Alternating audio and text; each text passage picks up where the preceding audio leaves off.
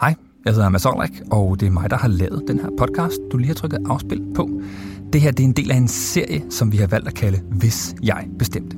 Gennem valgkampen vil du kunne interviews med samtlige 14 partier, hvor de taler om deres største visioner, deres største utopier. Øh, det bliver øh, vildt og visionært, og det bliver tidsrejser, og det bliver politik, som du aldrig har hørt det før. Det her det er egentlig bare en smagsprøve på det journalistik, vi laver på Zetland, og hvis du kan lide, hvad du lytter til, så kan du blive medlem lige nu i to måneder for en flad 50'er. Gå ind på zetland.dk- hvis jeg bestemte, eller klik på linket i podcastbeskrivelsen. God fornøjelse. Hvad nu, hvis du fik magten til at forme Danmark? Hvad vil du gøre? Generobre Skåne?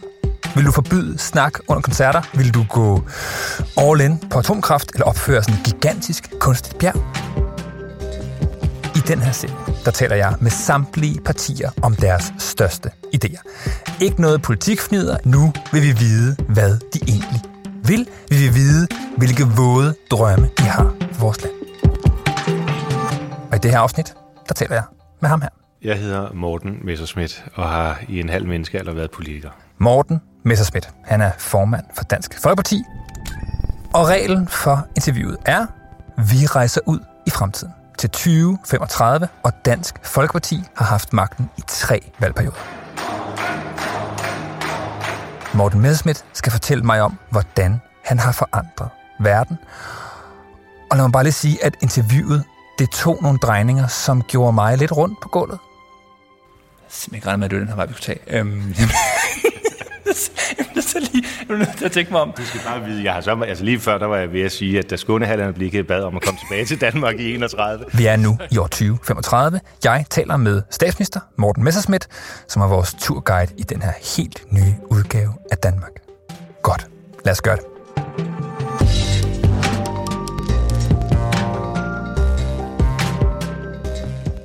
Så hvor har du taget os med hen for at vise, hvordan verden har forandret sig? Vi er på gammel scene, øh, det vil sige en af scenerne under øh, den kongelige opera i København. Et sted, som jo er en af de ældste teatre i Danmark. Hov, en sidste ting. Jeg vil bare sige, at vi sidder rent faktisk, helt fysisk, øh, og laver interviewet lige ved siden af den her scene på det kongelige teater. Questo marro som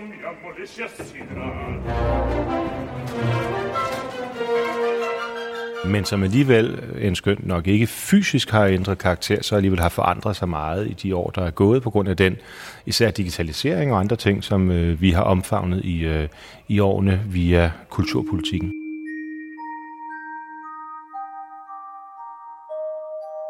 Når man er her på det Kongelige Teater, hvad vil man så kunne se og spotte med det, sådan det blotte øje, for at se, hvordan tingene har forandret sig? Jamen, jeg vil virkelig tillade mig at sige, at det, der er den væsentlige forskel, det er, at du slet ikke behøver at være øh, fysisk på det kongelige teater for at se og spotte og nærmest fornemme. Fordi allerede øh, til noget af det første, da vi overtog øh, Kulturministeriet, så fik vi gennemført en meget omfattende digitalisering af alle produktioner via virtual reality. Så du faktisk derhjemme kan gå rundt i de sale.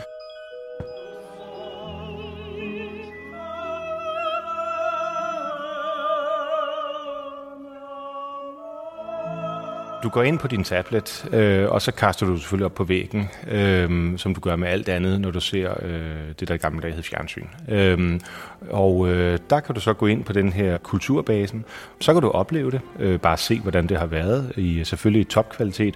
Og når du så har øh, set forestillingen, så tænker du måske, at det kunne faktisk være meget sjovt øh, at være med i forestillingerne. Øh, og så kommer der en, øh, en digital coach. Vil du danse som Giselle? Der kan du selv vælge, om du vil være danseren i Giselle, eller om du vil være tenoren i øh, Turandot, eller hvad du har lyst til. Og det er helt fantastisk, og har jo gjort, kan vi se, at der er kommet en helt fantastisk fornyet interesse blandt os unge mennesker for, øh, for, øh, for de klassiske kunstarter. Prøv lige at beskrive, når man er, når man, hvis man tager det der virtual reality ting på, og man, og man så er danseren i Giselle, hvad vil man så kunne se? De, de mest avancerede programmer, jamen der kan du selv øh, derhjemme ved dine udfoldelser, så se, kan du gentage det, som øh, danseren gør. Og hvis du gør det ordentligt, jamen, så kan du også mærke suset fra publikum, når de siger nej og klapper af dig. Det er helt fantastisk. Jeg har selv prøvet teknikken.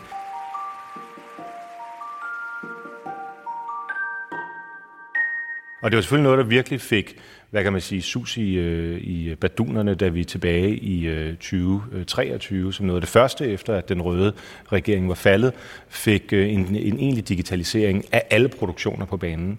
Sådan at vi nu har det her videoarkiv, der minder om det, som i gamle dage hed Netflix. Det er jo desværre gået bort nu. Men, øh, men det var en, en teknologi, der fandtes engang, hvor man kunne gå ind og søge på alle mulige forskellige øhm, øh, temaer. Her har vi så den nye database med... Øh, med dansk kulturliv. Og det er simpelthen alle øh, teater, øh, ballet, opera, koncertopførelser, øh, ikke bare på det kongelige teater, men alle andre store scener i Danmark, som er blevet digitaliseret helt tilbage fra 2023.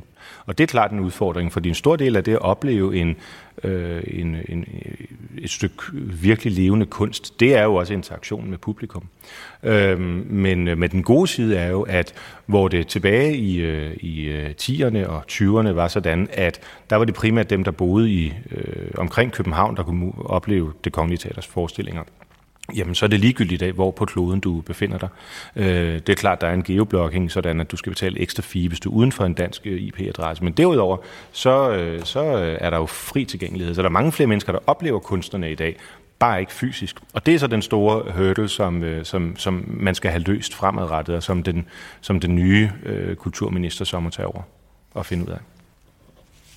Mm-hmm. Mm-hmm nu skal jeg kigge mit papir, selvom mit papir er ved at være fuldstændig ubrugeligt, det jeg havde, øh, det jeg havde taget med, det jeg havde taget med her. Ikke? Øhm, lad mig lige tænke mig om her. Når jeg lytter til båndet fra det her interview, så kan jeg høre mig selv. Øhm, altså, min hjerne er på totalt overarbejde, ikke? Godt, godt, godt. Mest af alt for at finde ud af, hvad er den store historie i det interview? Altså, øh, hvordan kan jeg få det her til at handle om Morten Messersmiths tanker om, hvad samfundet skal på de helt store linjer. Og jeg vil bare lige uh, sige, at interviewet faktisk ender med, at vi finder hen til de store linjer. Men i mellemtiden, så greb jeg til et spørgsmål, man som journalist altid lige kan fiske op af tasken, når man er i panik. Nemlig, okay, hvor meget koster det her? Normalt, når kunstnerne øh, optræder så vil man jo øh, sige, at hvis det skal transmitteres øh, andre steder, så skal man betale for det der. De rettigheder skulle vi jo købe ud. Øh, og derfor var der en stor øh, finansiering til at, øh, til at starte med. I datidskroner var det omkring 5-6 milliarder. Okay. Øh, derfor var vi jo også nødt til at lukke øh, altså alle de såkaldt kreative øh, undervisningsinstitutioner, altså der, hvor man udviklede... Øh, ja, der var, sådan, der var tilbage i, i 22 til 24, var der nogle afstikker inden for kulturverdenen, hvor man begyndte at føre noget, der hed identitetspolitik. Øh, jeg tror ikke, der er nogen, der husker det længere, men jeg tror faktisk, der ligger sådan et, et museum lidt længere nede af, af Bredgade, hvor man kan stadigvæk studere det. Ligesom, ligesom der var i forhold, der var en diskussion om, man skulle være kritisk over for kolonitiden og sådan nogle ting. Når jeg nu siger Godhavnsdrengene, de tidligere dansk-vestindiske øer, eller jeg siger tvangsfjernede børn i Grønland i 50'erne, hvad siger det så dig? Der er noget, de har til fælles, og det er, at de alle sammen har givet anledning til diskussioner om, øh, om officielle undskyldninger. Det er glemt i dag heldigvis, men der var altså en periode, hvor, øh, hvor de her skoler ligesom tog overhånd. Øh, og det må vi så lukket. Øh, altså fordi det, altså, det var folk, der gik rundt og kastede statuer i vandet og kaldte det ny kunst og sådan nogle ting. Og så begynder vi med den berømte gipsbyste af Frederik V, som røg en tur i havnen. Helt skørt. Øhm, det kunne vi heldigvis lukke, øh, og så finansiere øh, hele den her udbredelse af den rigtige kunst. Så hvilke uddannelser for eksempel var det, der lukkede? For eksempel på, øh, på kunstskolerne, øh, der sørger man for, at folk, de, øh, altså dem der, dem, der stadigvæk er på kunstskolerne, det er jo folk, der så lærer at, at tegne og male og altså øh, dyrke de klassiske kunster, hvorimod alt det, som handlede om intellektualiseringen, kan man sige, af kunsten. Øh, for eksempel det at øh, smide statuer i vandet, eller male over på etableret kunst, eller alt det her, som, som virkeligheden mere hørte til et ungdomspolitisk parti, det er vi lukket ned. Og det var 80 procent af det så der sparede vi en masse penge. Okay. Kan man være for provokerende som elev der på en eller anden måde? altså, altså kan man, hvad, er der nogen, der er blevet smidt ud af de her skoler, fordi at de kom ind med et andet syn på, hvad, hvad god kunst var, eller hvad god faglighed var i tegning og den slags ting? Ja, altså vi har været nødt til at smide nogen ud, som jo begyndte at øge herværk og kalde det kunst. Det begyndte med den der Frederik den 5. byste, øh, som blev kastet i vandet, og desværre så var der nogle sådan ekstreme lommer, som, som bevægede sig i den retning. Er der noget, man ikke må tegne? Der er ikke noget, man ikke må tegne. Altså, det handler kun om det faglige indhold i undervisningen. At, det skal, altså, at, at skolerne skal lære håndværket, og det er der, vi er, øh, det er, der, vi er nu. Øh, og ikke ikke til alle de her provokationer. Det kan folk sagtens finde ud af selv. Altså meget af den kunst, som vi i dag kalder klassisk, er jo øh, noget, som var dybt provokerende i sin samtid. Altså hvis du tager Kreutzersonaten for eksempel, så var det jo noget, kvinderne nærmest blev forvist fra lokalet, fordi det var for voldsomt. Det kunne deres følelsesregister slet ikke håndtere.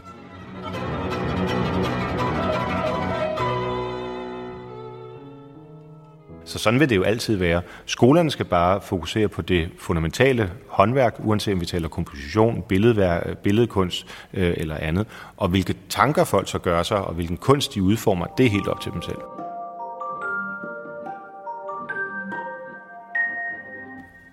Det vilde, provokerende, øh, nyskabende kunst, øh, eller det, som man nærmest er i tvivl om, om det overhovedet er kunst. Altså, hvor, hvor kommer det fra i samfundet? Det kommer heldigvis rigtig mange steder fra.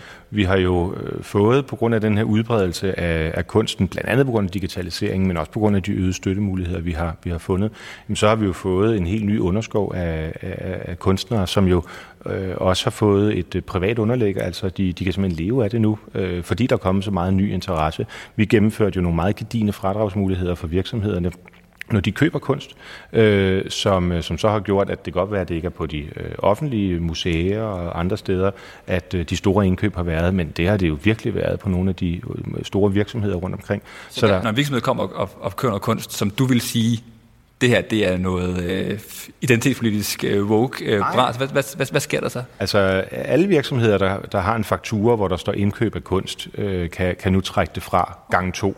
Øh, og det har jo så bare skabt en, et naturligt marked for, for kunstnere. Øh, det er klart, det er også noget, der har kostet kleiner. Øh, men altså, vi havde jo allerede der i øh, midt-20'erne havde vi fuld beskæftigelse og kunne derfor nedlægge jobcentrene, og derfor så lykkedes det at få rigtig mange af de penge direkte over i kulturstøtten. Så, øh, så det er derfor, vi har kunne gøre alle de her ting. Nu er vi ved at nærme os noget. Når Morten Messerschmidt her fra 2035 kigger tilbage på den tid, jeg kommer fra, nemlig år 2022, så ser han en kultur, en dansk kultur, hvor dele af den er ved at skride ud i et mærkeligt sving. Og det har hans regering altså sat en stopper for. Eller i hvert fald sat en stopper for, at det sker på skatteyderens regning. Og så må det private marked med lidt hjælp øh, tage sig af alt det provokerende og det nye. For Morten Messerschmidt, der er de her tanker forbundet til nogle virkelig store spørgsmål om vores land. Nemlig, hvordan skal vi styrke den danske kultur, ikke bare på scenen eller på vilde Fjernsynet, men den kultur, der er inde i os. Og så bliver det springende punkt jo øh, spørgsmålet om, hvad en statsminister som Morten Messerschmidt egentlig kan gøre ved den kultur, der er inde i sådan en som mig. Hvordan kan man sikre, at det er dansk kultur, og ikke øh, amerikansk kultur, der leger sig i sådan en ganske almindelig borger. Jeg kan huske tilbage der i, i 10'erne øh, og nullerne også, altså hvor meget, øh, hvor meget kultur, der sådan på noget måde skyllede ind over vores grænser. Altså øh, øh, hvor nemt det var at sidde på... Øh, jeg var lige kommet på TikTok dengang i 2022, og kan huske, at øh, min hjerne var ved at smelte over det. Ikke? Øh, jeg forestiller mig op i mit hoved en... Øh, en, øh, en teenager der i 20, 25, 26, 27 stykker, som skal sidde og vælge, hvad for et kulturtilbud skal jeg se? Skal jeg se en amerikansk film? Skal jeg bruge en halv time på at scrolle øh, sindssyge video på nettet? Øh, øh, og så det, som vi, den danske stat har til den her teenager. Det er ligesom, øh, du, kan, øh, du kan se Giselle, som blev, som blev opført tilbage i 2022 på det kongelige teater. Øh, kunne, man, kunne, man vinde, kunne man vinde den kamp om kulturforbruget? Altså, jeg tror, at det, der var det væsentlige, det var, at vi jo også lavede en stor reform af hele undervisningssystemet, hvor det her det blev en integreret del af det. Øh, fordi det er jo rigtigt, at, at udbuddet og konkurrencen om, om de unges, såvel som ældres opmærksomhed, er jo bare stødt stigende.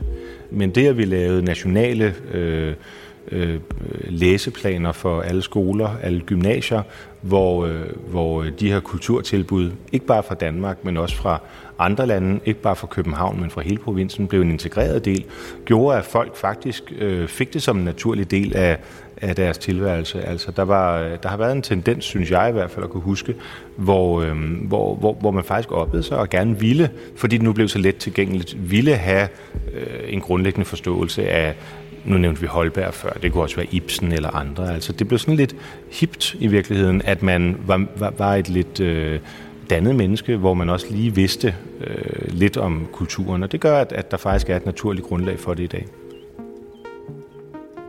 Siger du til mig, at, at, at det lykkedes staten gennem uddannelsesinstitutionen at, at lave noget hipt? Altså, at man, at, man, at man det lykkedes med at skabe en trend ovenfra? Ja, altså det blev, øh, det blev noget, hvor, hvor man, øh, man, man, man har ikke lyst til at være den, der ikke lige ved, hvad øh, Holberg er, øh, eller Karl Nielsen er. Øhm, det er jo ikke det, der dominerer det for unge menneskers øh, selvforståelse i dag, men, men øh, i forhold til, da jeg voksede op, og da jeg begyndte i politik, der er der en helt anden forståelse for øh, den kulturelle øh, værdi, øh, både i det, i det, der er skabt før i tiden, i nutiden, øh, og også nysgerrighed på fremtiden.